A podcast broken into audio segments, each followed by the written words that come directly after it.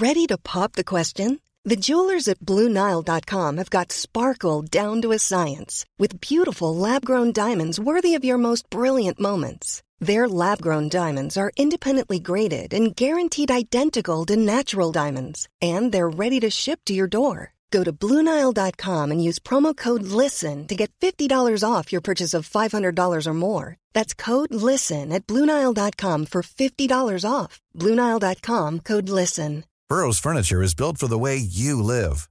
From ensuring easy assembly and disassembly to honoring highly requested new colors for their award-winning seating, they always have their customers in mind. Their modular seating is made out of durable materials to last and grow with you. And with Burrow, you always get fast, free shipping. Get up to 60% off during Burrow's Memorial Day sale at burrow.com slash ACAST. That's burrow.com slash ACAST. burrow.com slash ACAST. Wow. Nice. Yeah.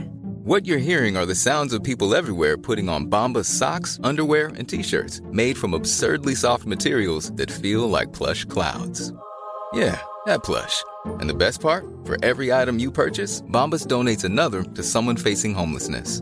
Bombas. Big comfort for everyone. Go to bombas.com slash ACAST and use code ACAST for 20% off your first purchase. That's bombas.com slash ACAST. Code ACAST.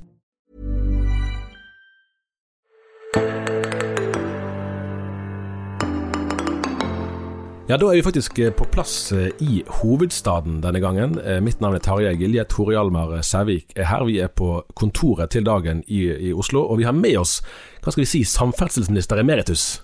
Jo, takk for det. Knut Arild Hareide.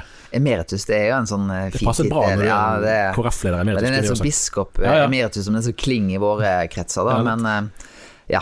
Det, det, er- det er jo noe som sier at det å være statsråd det er veldig hyggelig, men det å være tidligere statsråd det er så enda bedre. Så uh, jeg kan kjenne litt på den følelsen. Ja. Kan du bare, bare helt sånn fra dag til dag, hvordan, eh, hvordan er det å, ha, å være nylig avgått? For det er en ekstremt forskjellig hverdag, må det jo være. Det er det. Er det. Eh, og det er jo da en sånn hverdag som sier at uh, i dag så følger jeg uh, først på skolen, så er jeg i barnehagen. Så er jeg tilbake igjen på skolen. Er hos helse... ja, helse Sykepleier. Ja, det heter han sykepleier. Ja, jeg sliter litt med tittelen der. Og hører hvordan førsteklassingen Som har det. ikke andre sykepleiere jobber med helse. Ja. Vi må ikke gå inn på ting vi ikke greier på her. Så, så, men sånn går nå dagene. Så, eh, og så sykler jeg da ned hit eh, for å treffe to kjekke unge menn her i dagens lokale. Eh, og redaktøren tok sitt tid midt i eh, da en redaktørkollegiet var samla i hovedstaden, så det satte jeg ekstra pris på. Sist gang eh, jeg tror eh, vi tre var i samme rom, eh, det er faktisk Det er ganske så nøyaktig elleve år siden. Eh, Og det var faktisk på julebord i dagen. Og da, da var det sånn at da, da visste vel på en måte alle at du kom til å bli leder i Kristelig Folkeparti, men du hadde ikke svart eh, offisielt ja. Eh, og så er det jo sånn at Tor Hjalmar, han, blant sine mange karrierer, så er jo han en begavet imitator. Og uten å fornær- Du er jo ikke den vanskeligste å imitere, det går det an å si. Hva sier du om det, Tor Hjalmar? Nei, det, det skal ikke ha Ja, det, det, skal, det, det kan være. Ja, det kan være. For da hadde vi et fint øyeblikk der Tor Hjalmar inviterte deg, og så kom du inn. Eh, Til, eh, og det var, det var litt sånn starstruck eh, øyeblikk, tror jeg, i forsamlingen, der de skjønte at hvem er det som er den ekte Knut Arild her? Hvem likte du best da, Tarjei? Var det kopiene kopien eller den ekte? Nei, vi liker jo ekte bare best, vet du. Ja. Men det var ganske, kopien var ganske bra, den òg, altså. Og det tror du sjøl òg kunne kjenne igjen noe av, hvis du husker dette, da. Ja, jeg husker dette veldig godt. Så det er jo det, Men det å bli emittert, da, det er jo Det er jo i politikken veldig kjekt. Da har du på en måte Ja, noen det. spor. Ja. Så, ja, ja, men det tror jeg Det, det mener en. Så, så det er jo ikke sånn at den blir eh, Det, det er én ting som er fryktelig i politikken, eh, og det er å bli glemt. Det å på en måte ikke være der. Men så det å bli emittert, det er Det er en ære. Nettopp. nettopp. Nei, for Det var faktisk såpass vellykket det at jeg tror ikke vi har hatt eh, ekstern gjest på julebordet i dag nesten siden det. Vi ga oss på topp. Ja. Men det er ti år siden. Ja, Ja. vi begynte heller med andre ting. Ja, Stol på egne krefter, som han sa min gamle sosialøkonomilærer på videregående. Det var ikke Geir Morten som kom inn der og ville ha litt strammere budsjett. Nei, men jeg husker at du Vi ertet han. Geir Morten Nilsen er jo altså konsernsjef i dagen, som for tiden er generalsekretær i Kristelig Folkeparti. Og vi, vi tipset deg om at jeg tror han hadde glemt en, en tiårsdag eller noe sånt. Med, eh, altså de hadde vært kjærester, og det ble jo påtalt eh, i plenum. Og det er nok kanskje konen syntes var fortjent. Ja. ja da, så det var gøy. Du har tatt med en bok her, og det er bilde av deg på forsiden av den boken. Du har vel sikkert skrevet noe i den, i hvert fall? Ja, Jeg forstår at det er to andre som egentlig har skrevet mest. jeg har fått eh, litt hjelp òg, men eh, jeg har skrevet mye av den boka sjøl Ja. Så jeg tenkte jeg skulle ta med Dette heter altså Det som betyr noe, som kom da vinteren eller våren i 2018. Eh, vi skal ikke, skal ikke drive for mye høytlesning. Eh, boken er tilgjengelig ennå. Eh, men nå, er, nå skriver vi jo litt i ettertid. Eller vi, vi leser i ettertid. Sant? Eh, så herfra helt til å begynne med, så står det at stortingsvalget i 2021 kan gå inn i historiebøkene som det valget hvor KrF under, havnet under sperregrensen. Men det kan også bli valget hvor KrF snudde motgang til medgang. Fra skuffende valgnetter til oppløftende valgmorgener. Fra færre KrF-representanter til flere KrF-ere i sentrale posisjoner. Eh, og så vet vi jo eh, hva som skjedde. Eh, og så har jeg lyst til å, å begynne med et øyeblikk. Det er to øyeblikk som jeg vil liksom be deg beskrive, og dette er det første. Og Da er vi på landsmøtet i november, senere det samme året. Avstemningen har skjedd. Det gikk ikke sånn som du hadde tenkt. Og så sa du noe som jeg tror var spontant. For du snakket om at kanskje det er Simen Bondevik som blir den som får realisere den langsiktige drømmen. Og Det har jo det navnet en spesiell klangbunn i partiet, fordi at mange der husker når han ble født. Han ble født eh, tidlig, og det var ganske alvorlig, og bestefaren ble vel eh, nærmest sykemeldt sjøl, altså som det var statsminister. eh, I forbindelse med det, så at hans, hans, måte, han, hans figur i partiet er jo litt sånn Han er barnebarnet til Kjell Magne Bondevik, men han er, der er òg en historie rundt det. Kanskje blir det han som får gjøre det som da ikke gikk helt i din tid. Og så vet du hva som skjedde, han er nå aktiv i sentrum og osv. Hva så du der, og hvordan ser du det nå? Eh, Altså Det er jo to, to ting. Altså det, Valget i 2017 Det synes jeg var en veldig tydelig advarsel til oss. Fordi da fikk vi 4,2 uh, og, og da sa egentlig noe at vi vi- Og vi hadde hatt en nedadgående tendens. Jeg tror alle stortingsvalg i dette århundret har vi, har vi hatt negativ. Det var bare 2013. Uh, vi hadde en liten framgang, og den tror jeg var Da snakker vi om promille. Så ellers har vi hatt tilbakegang med valget da i fra 2001, 2005, 2009, 2017. Um, men det er også at hvis den tilbakegangen fortsetter, så er 4,2 uh, ikke nok. Uh, og derfor så visste jo vi det. Så, så paradoksalt nok den valgnatta, så var det en litt sånn dobbel, fordi det var et veldig faresignal. Men vi hadde jo òg fått en litt sånn i gave en veldig spennende politisk posisjon. Fordi vi var det reelle vippepunktet. Det hadde vi ikke vært fra 2013 til eh, 2017. Da vil jeg si Venstre var det reelle vippepunktet i Stortinget. Men i den forrige stortingsperioden så var, var vi det. Så, så jeg tror det oppleves litt sånn blanda. Jeg tror nok den valgkampen òg opplevdes veldig krevende fordi den historiefortellingen vi skulle bringe med oss, den syns vi ikke satt. Og jeg kan si jeg leda partiet i valgkampen i 2011, 2013, 2015. Opplevde tre gode valgkamper. 2015 ble vi kåret til valgkampvinner. Men i 2017 så, så Vår historiefortelling der sto seg ikke. Og jeg tror vi tapte litt sånn i, i begge ender, hvis jeg kan si det. Det var, det var en sånn opplevd misfornøydhet. eh, Både til KrF og jeg tror òg til, til meg som partileder, fordi at vi ikke nådde igjennom med den fortellingen. Og så skulle vi da ha et år. Men, men hva fortelling var det, før du går videre? jeg tror jo at det handler litt om både eh, For den fortellingen som du forteller, hva saker du vil prioritere, og, og troverdigheten i hva du kan få, få gjennomslag for på det området. Og naturlig nok hvordan du skal samarbeide for å få det til. Uh, og, og, og der tror jeg vi traff på en annen måte i 2013. Uh, da hadde det en større troverdighet, mens det skapte en usikkerhet. Og fordi at eh, da var vi Jeg tror vi opplevde litt sånn lunkne. Da satt det en Høyre-Frp-regjering som vi hadde samarbeida med, men som vi hadde òg opplevd hadde utfordra både KrF og eh, verdispørsmål. Eh, sentraliseringsspørsmål. eh, på en måte som hadde utfordra oss. Altså, eh, Tvillingabort var jo en, en del av den problemstillingen, blant annet der, der det var Høyre og Frp som hadde, kall det, liberalisert eh, på, på det spørsmålet der, som et eksempel, da. Eh, Så det var, det var flere spørsmål som reelt sett var utfordrende for oss. Eh, Men så kom vi i den lykkelige posisjonen. Vi satt der, der i vippeposisjon. Og jeg tror hadde du spurt meg valgnatta, så var det to ting jeg ville tenkt. Det var at vi skal bli i den vippeposisjonen, utnytte det fram til valget 21. Og Det andre var, jeg tenkte, vi må være tydeligere på hva som er vårt politiske prosjekt. Og siden Tarjei har vært så god å ta med boka, så var det jo det som var tenkningen da jeg satte meg ned med Erik Lunde og Emil André Erstad, var at jeg måtte tydeliggjøre hva er prosjektet. Og det var utgangspunktet for, for boka. Så gikk jo det året. Eh, og vi var enige om at vi, eh, rett etter valget, var et spørsmål skulle vi nå reelt sett avklare. Mange ønsket å gå inn i regjering. Og vi ble enige om at nå må vi iallfall vente med den debatten til høsten 2018. Altså litt over et år. Og på den veien så ble det ganske tydelig for meg at for oss å bli værende i den situasjonen, det å bli værende fordi det var alle andre som satte agendaen for oss. Og jeg tror at det kan bli litt krevende òg for Audun Lysbakken. Mm. Fordi han er litt i samme posisjon, men han har det litt enklere. Fordi at vi var sentrum. Så, så, så alle kunne på en måte bruke KrF til å få sine saker gjennom, eller på agendaen på. Uh, og det var egentlig Kjell Ingolf som har vært i pappaperm uh, våren 2018, som kom veldig tydelig tilbake og sa jeg tror vi må gjøre en reell avklaring. Og fordi det har vært ganske vanskelig for oss å gå inn i valget i 2021 og enten si vi skal fortsatt støtte Erna Solberg, etter på en måte å ha stått litt på sidelinja og ikke vært en del av hennes prosjekt, eller sagt at vi skal ha noe helt nytt ved valget i 2021, eh, etter å ha støtta Erna Solberg og Siv Jensen i åtte år. Så alternativet, derfor så framsto det for oss veldig tydelig at vi, vi måtte gjøre det valget.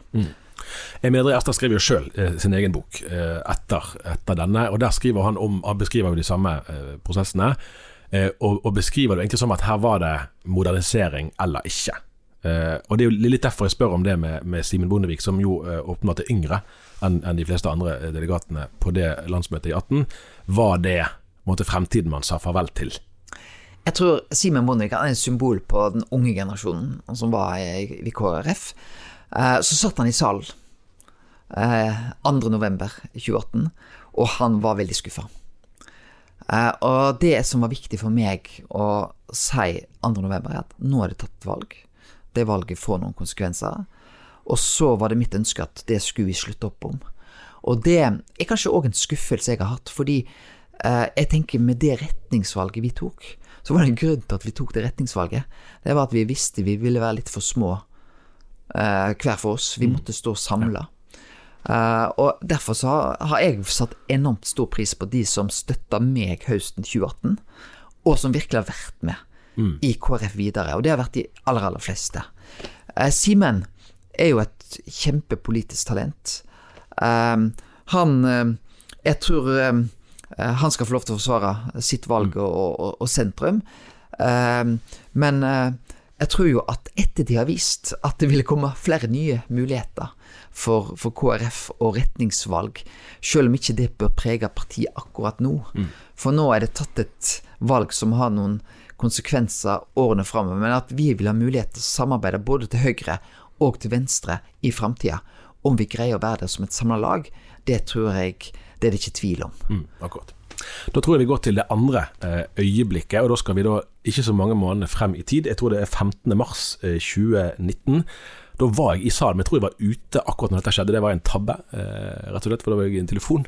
Men da talte du på Oslo Symposium. Um, og det var en gøy detalj var at like etter deg talte Mime Kristiansson. Uh, og det er vel neppe tvil om, selv om det, var ikke, det var nok ikke flertall i den salen som støttet ditt uh, retningsvalg, men det var nok ganske mange flere som ville stemt på deg enn på han. Men likevel ble du buet på, uh, og han ble bejublet der og da. Men han, har jo, han spilte jo på strenger hos de, og det var oppriktig det, altså. Med haugiansk historie osv. Men det står for meg som et, et av de sterke øyeblikkene fra din ledertid, når du Jeg tror ikke det er noen som ser på deg som en spesielt brautende fyr, men du nesten sånn befaler stillhet. Stillhet. Eh, jeg tolket det som at dette var et ekte øyeblikk. Eh, for her, her du, du var forberedt på at de nok ikke kom til å juble over det du sa om at de måtte ta avstand fra Donald Trumps populisme. Kanskje var reaksjonen sterkere enn du hadde ventet, men her var det, da var du gått av som partileder. Du visste at dette kanskje siste gangen du står foran denne forsamlingen. Her var det noe som det var viktig for deg å få sagt. Og det er et verdifellesskap som på en måte kanskje er litt brutt, eh, der, der samhørigheten var sterkere tidligere. Beskriv litt hvordan du opplevde det å stå der. Ja, altså, eh, det er jo få ting jeg syns er egentlig eh, vanskeligere å forstå enn en del av Og nå, nå snakker jeg ikke om den norske kristenheten, for der tror jeg at eh, Trump ikke har en veldig sterk posisjon. Men jeg tenker jo i USA, der våre kristne søstre og brødre har slutta veldig opp under Trump. Så er det mange ting ved det amerikanske samfunnet som vi ikke skal glemme. Det er at at mens vi har hatt eh, økonomisk framgang, der vi har fått mange gode, og der på en måte det store flertallet er blitt med på den positive veksten, så har det skjedd ikke den samme utviklingen i USA. Mange har følt seg utenfor. Så, så det skal vi ta med. Men, men, likevel så tenker jeg en person som Donald Trump Jeg husker det minnet som gjorde veldig sterkt for meg, var da han i, allerede i valgkampen i 2016 latterliggjorde en fysisk utviklingshemma person. Altså direkte mobbing. Det var et sånt skille for meg. Uh, og den måten Trump bruker løgn uh, Og derfor så, så syns jeg det var naturlig nok, fordi at òg Oslo Symposium har jo amerikanske gjester som er veldig tydelige Trump-tilhengere. Mm. Eh, og Derfor syns jeg det var viktig å ta med det. Og jeg var forberedt på en eh, motstand, men jeg var ikke forberedt på å bli bua. Eh, og det var nok en litt sånn en, en irritasjon. og så tror jeg kanskje at jeg kunne håndtert det på en annen måte, men det, det var sånn Men det skjer der og da, sant? Det skjer der og da. Ja. og så syns jeg at, at det jeg opplever likevel, Uh, som er òg synlig i norsk, en del av den norske kristne, det er at det, det er flere som likevel framstår som Trump-tilhengere i dag enn i 2016. Det er blitt mer, kall det, legitimt å støtte Trump. Og jeg ser det òg i sosiale medier. For eksempel etter den talen så var det mange som, som gikk veldig tydelig ut og støtta. Uh, og, og, i den norske mm del av den kristne bevegelsen. Eh, og det syns jeg er bekymringsverdig, fordi jeg syns at eh, i tråd med de verdiene jeg har fått med meg fra bedehuset, mm. så er det få personer som jeg syns mer tydelig egentlig bryter mm. med de verdiene ja.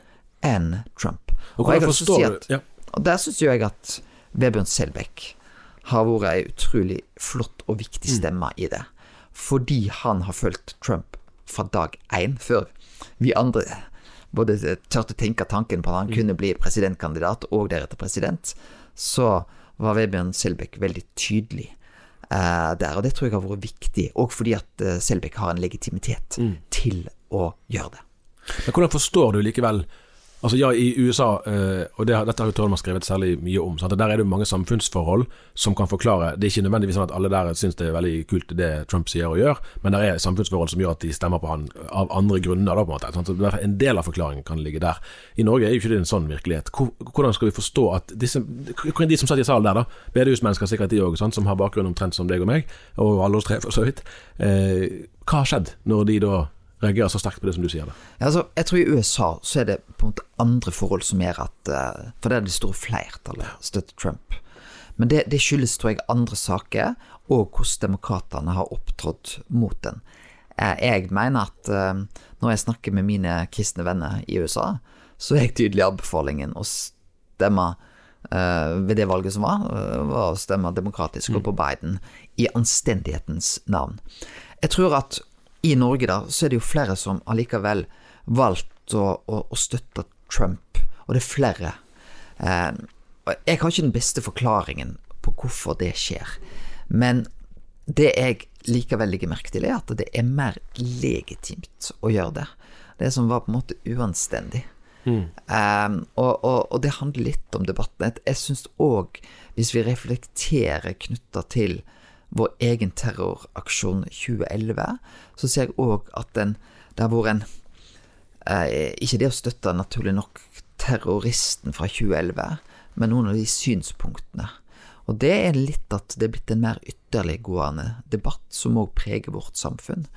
Og i USA så ser jo vi dessverre at det å finne felles løsninger Du ser nesten mer skille i den amerikanske debatten enn på lang, lang tid. Og, og det er en bekymring at òg det norske samfunnet skal gå i den type retning.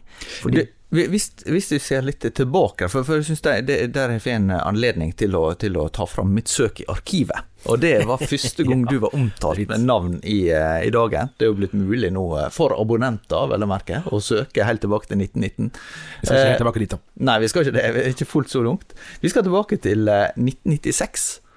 Og da eh, var det rett og slett nominasjonsmøte i Hordaland KrF, der du havna på åttendeplass på lista. Så gikk det to år, og så var du blitt eh, politisk rådgiver eh, i Kunnskapsdepartementet for, for eh, Jon Lilletun. Ja, det heter kanskje ikke Kunnskapsdepartementet. Kirke, utdannelse og forskning, var det da? Ja, ja, det- Ja. ja. Eh, Men, eh, men hva, når vi snakker om det vi snakker om nå, med endringer i Norge, hva, hva oppfatter du var det du gikk inn i da, og, og hva er det du ser nå? Hva er det som endrer seg eh, med, med det å ha et politisk engasjement i KrF? Eh, Jeg tror at eh, det er mer krevende å holde kall det KrF-familien samla i 2021 enn det var i 1996. Eh, Og fordi at det var en del spørsmål som ikke helt var den, på den, nødvendigvis på den politiske agendaen, men som er kommet tydeligere på den politiske agendaen, og der de som er tilslutta KrF, har litt ulike ståsted. Og jeg tror at eh, eh, jeg, tror jo den, det arbeidet som egentlig da skjedde på eh, 1996, så kom jo 97 og 2001, som er blant de beste valgene KrF gjorde i moderne tid. Men jeg tror òg at, at noe av det jeg har tenkt at som for så vidt er en kritikk både mot meg, mot Dagfinn, mot og Valje og Kjell Magne, var at vi, vi var ikke gode nok til å ta den veksten vi fikk knytta til eh, årtusenskiftet, og egentlig òg å være tydelig på ideologien til KrF. Jeg tror at mange som kom inn der, kom inn som, som gode kristne, men det å forstå hva er et politisk parti, hva er en menighet, det er egentlig litt åpenbart, men at vi måtte jobbe enda mer med det. Og jeg tror hadde vi jobbet enda bedre med det, så kunne vi fått forståelse for at vi tar stilling i de politiske sakene, og at eh, for mange har skapt en forventning at de skulle ha en tydelighet. For etter at KrFs nedtur starta, den starta jo i realiteten egentlig etter valget i 2001, mm. så kom jo dette kontinuerlige ropet at nå måtte vi bli tydeligere. Og det hører du òg egentlig i 2021. Men så ta spørsmålet om abort. Så kan du si ja, vi må bli tydeligere. Men jeg kan jo høre når jeg er på møte i KrF, og den ene siden vi må bli tydeligere rundt abortspørsmålet, og så reiser den neste seg opp og sier det samme, og så vet jeg at de to ønsker en tydelighet på to vidt forskjellige måter. Eh, og der tror jeg at noe av å, å jobbe med det er en, en jobb som, som er der for, for KrF.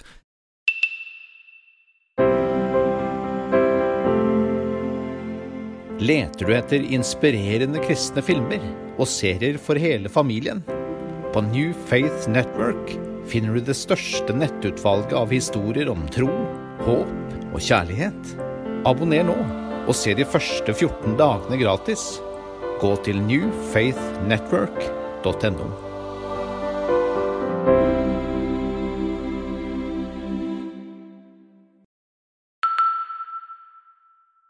Altså, du var jo intervjua i Vårt Land nå for eh, en tid tilbake, der du mer sånn, apropos å være tydelig, da, tenker at nå må KrF akseptere dagens abortlov og si at det, den ligger fast, den er som, som et premiss, altså at det, det, det, må ta utgangspunkt i. Da Og så, så må vi si at da gir du opp det som har vært veld, et veldig viktig prinsipp for KrF. At, at dette skal det- Dette handler ikke om på en måte en sånn pragmatisk tilnærming, men det er prinsipielt at, at eh, en vil beskytte livet fra, fra unnfangelsen. Ja, det er jo én måte å se det på. Den andre måten å se på det er at eh, den verdikampen som KrF sto i på 70-tallet, den er til fullt tilbake i 2021. Og teknologien eh, det, det er så mange endringer som gjør at abortlova tror jeg kommer til å bli pressa. Og da er spørsmålet skal vi være der i den debatten og ha en lege Og vi opplevde det i valgkampen i 2021 at abort var på tema. I den avsluttende partilederdebatten så var det et hovedpunkt eh, i TV 2s eh, avsluttende partilederdebatt. Og likevel så nådde ikke KrF igjennom. Eh, og da må vi stille oss spørsmålet hvordan skal vi gjøre det. Og, og jeg tror òg at selvbestemt abort uh, Jeg tror spør du mange KrF-er, inkludert meg selv, jeg får det, så vil jeg svare nei. Men jeg vil òg være ærlig på å si at jeg ser ikke så mange bedre alternativ. Eh, og vi ser at nå er presset fra uke tolv, og da må KrF være der eh, i den debatten. Og så skal KrF få lov til å ta den debatten. Uh, og jeg skal ikke gå Jeg gjorde et intervju i Vårt Land, og jeg har ikke tatt noen andre intervju rundt det. Det tenker jeg Den debatten skal, skal KrF få lov til å ta. Og jeg tror den type debatter er bra for oss å ta òg. For det er Men det å utvikle partiet Og jeg tror kanskje det er et godt eksempel på at det er en debatt jeg burde tatt, Tor Hjalmar, i min ledertid. Mm, eller kanskje før. Eh, og kanskje før. Sånn at vi sto bedre rusta Mm. da Kjell Ingolf ble sendt inn i valgkampen i 2021 til å, å ta den debatten. Kristne Ja. legers forening har jo gått inn og tatt den type debatter, eksempelvis. eh, På en ganske imponerende måte, syns jeg, da. Og kanskje kunne vi sett mer til deg. Eh, f- For eksempel inn i valgkampen eh, i 2021. Det, det, er jo eh, et spørsmål der som, som eh, er aktuelt for KrF litt generelt, og det er jo dette å ha et livssynsbasert politisk engasjement. Eh, opplever du at det har endra seg mye? Altså, det kommer selv til syne. Der opplever jeg at, at det å ha et livssynsbasert Altså det at, at vi skal ikke gjemme dette bort, der opplever jeg en større legitimitet nesten i det norske samfunnet i 2021 enn i 1996. Fordi at det å Jeg tror at vi må gi verdiene våre. Vi, vi trenger noen røtter i våre samfunn. Og jeg tenker at de som vokser opp i dag, har de noen røtter med seg, har noen verdier med seg, ja, da er de òg trygge på seg sjøl, sin egen identitet, og de kan møte det nye og ukjente på en trygg og god måte. Og jeg tror der eh, kan KrF høste mer.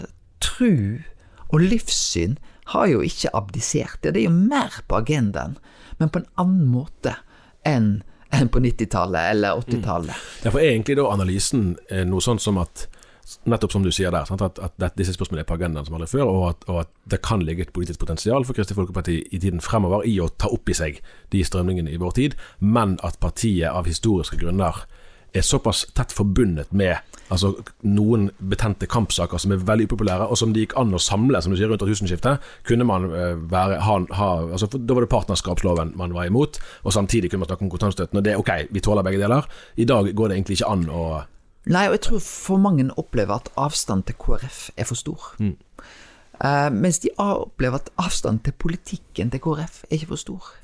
Jeg møtte eh, ei som jobber for et annet politisk parti. Dattera hennes var så irritert på foreldrepermisjonen. Ja. Eh, og så fordi at den eh, tredelingen som ligger der, passet ikke inn for henne. Og hun sa 'jeg vil støtte det partiet som vil gjøre noe med dette'. Og da sa mora, selv om hun sto for et annet parti, da må du stemme KrF. Men dattera var usikker på om hun kunne gjøre det, fordi hun opplevde at jeg, avstanden til KrF er for stor. Eh, og så tror jeg at uh, vi sitter her tre som kjenner hele bedehuskulturen, men det er personer langt utover den kulturen som er enig i KrFs politikk. Og de må kjenne at de kan komme og være en del av KrF-fellesskapet, engasjere seg i partiet. Uh, og der Den jobben, den er stor, og den er viktig. Der greide jo Valgerd Svarstad Haugland og Kjell Magne Bondevik å skape en dynamikk rundt at eh, For òg på 90-tallet så tror jeg mange vil tenke at, at avstanden til KrF var stor, men de greide å åpne opp partiet. Og det, eh, det er en kontinuerlig jobb å jobbe med det. eh, Og det er kanskje den viktigste utfordringen for KrF framover. En annen sak, altså Tarjei nevnte Oslo Symposium, men en annen sak som, som skapte mye debatt og oppmerksomhet, det var i 2016, da du valgte å gå i Pride Talk her i Oslo. Hva tenkte du før du gjorde det, og hva respons har du fått etterpå? Jeg tror eh, Det var jo sånn at eh, min kollega i Sverige, eh, Ebba Busch, valgte jo å òg gå i Pride-paraden i 2016.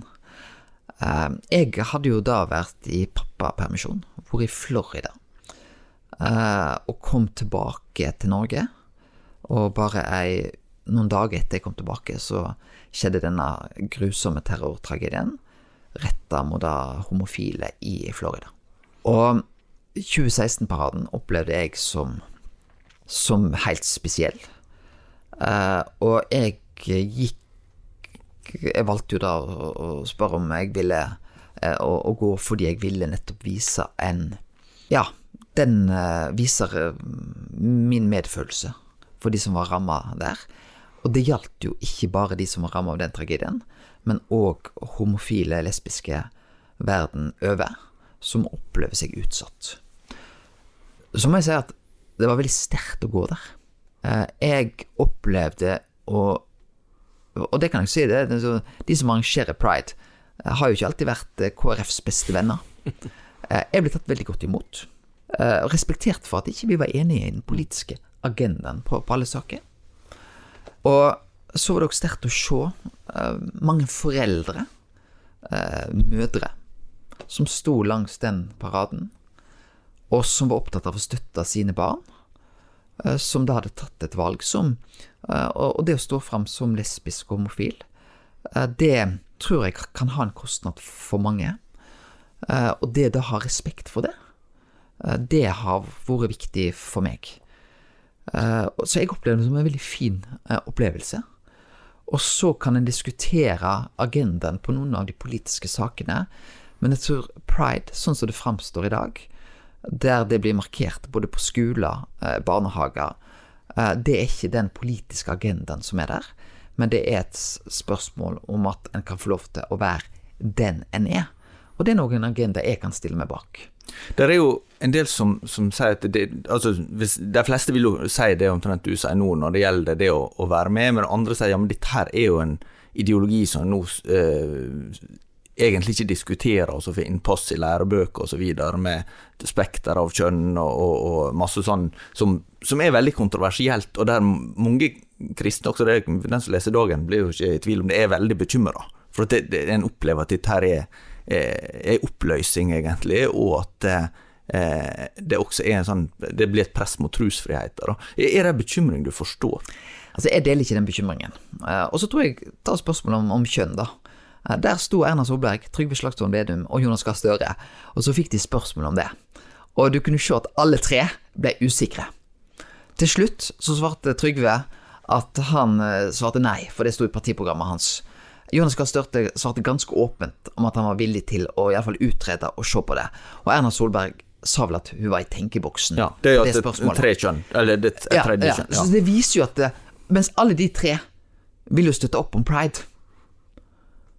Eh, så jeg tror at innenfor en del av Kristen-Norge så gjør en pride litt større, mer politisk, enn det jeg opplever at det er i dag.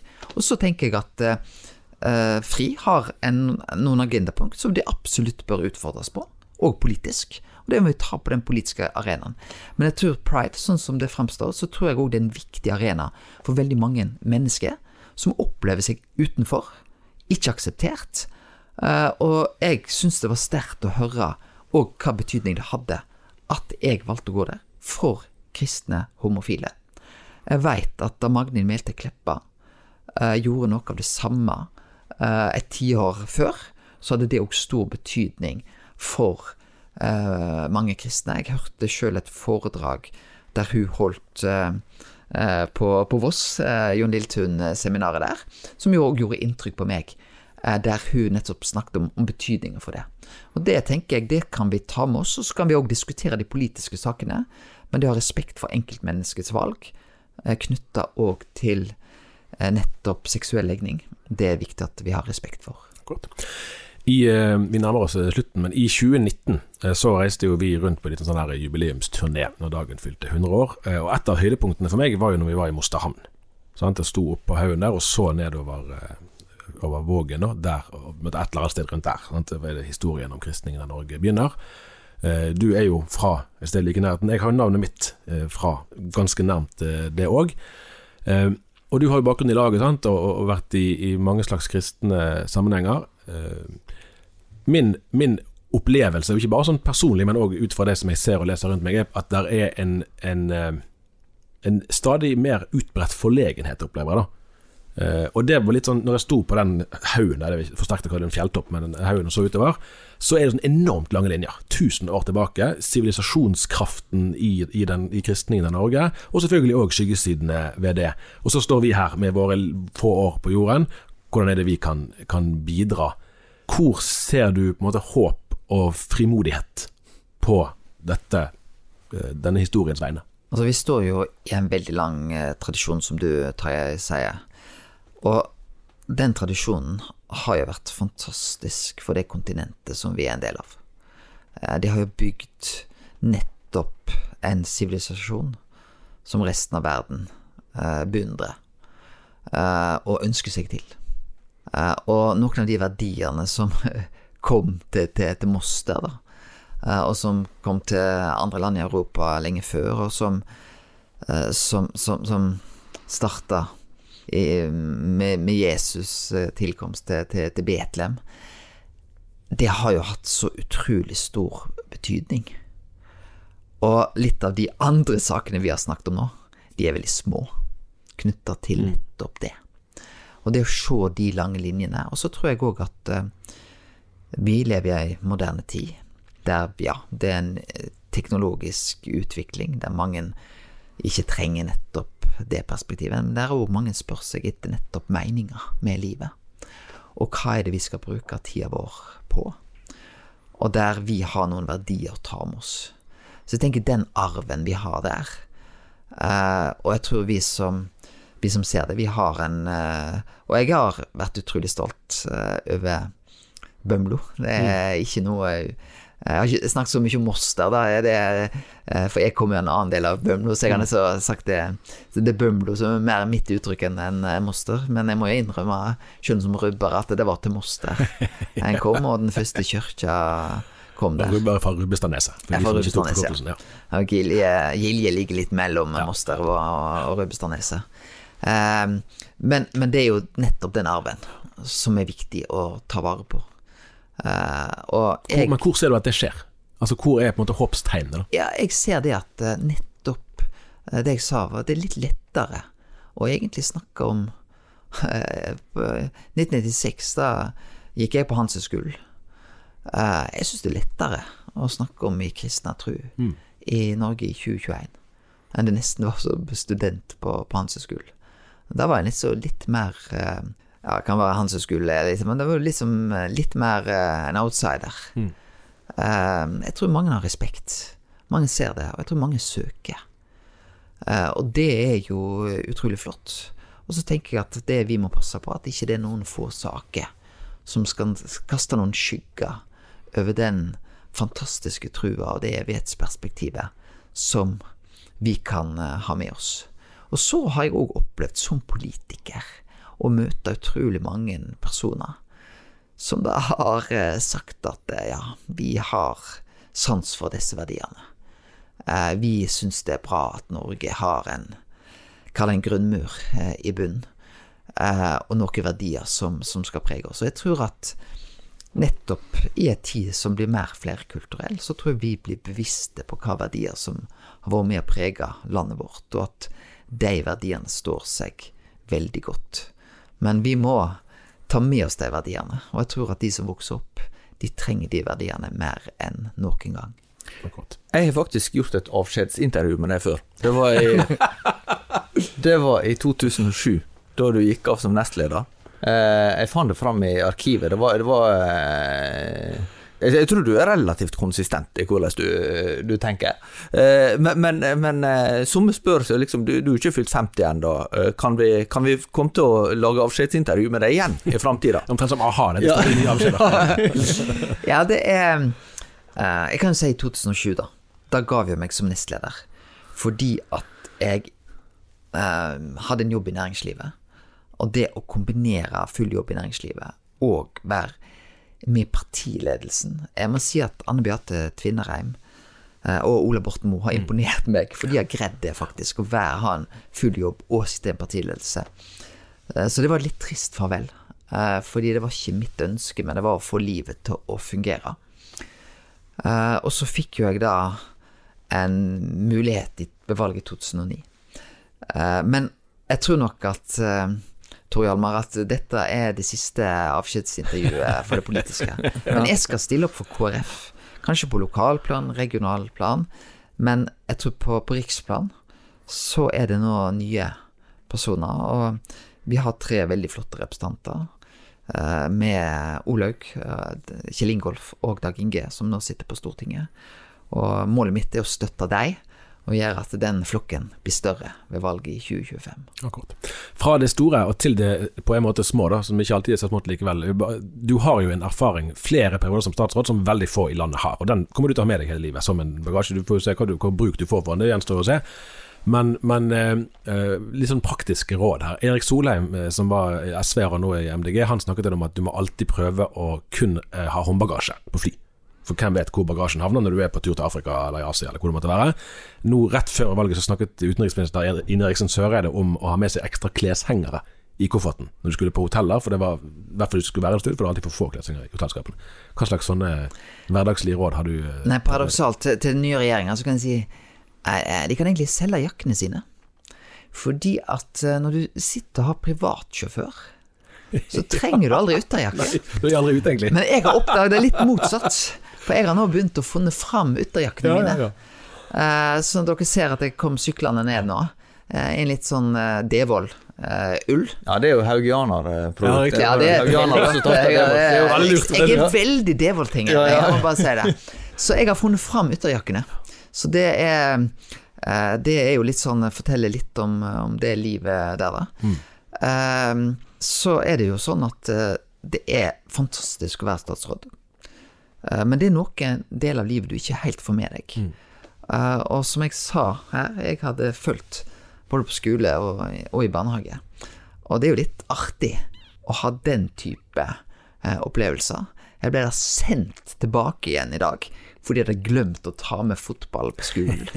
Eh, og jeg tror mange på Disen skole koste seg når de så jeg løpte opp bakken for å, for å hente fotball. Det tenkte det har ikke de sett så mye de to siste åra. Det høres bra ut. Takk for at du kom, Knut Arild Hareide. Vi eh, er tilbake eh, med episode senest neste uke. Ja, Det kan være det blir, det kan det bli en bonus før det, Det, det, følg med, følg med. Riktig. Takk for nå. Tusen takk.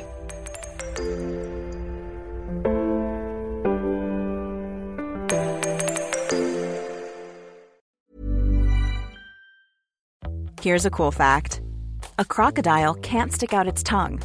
Another cool fact you can get short term health insurance for a month or just under a year in some states. United Healthcare short term insurance plans are designed for people who are between jobs, coming off their parents' plan, or turning a side hustle into a full time gig.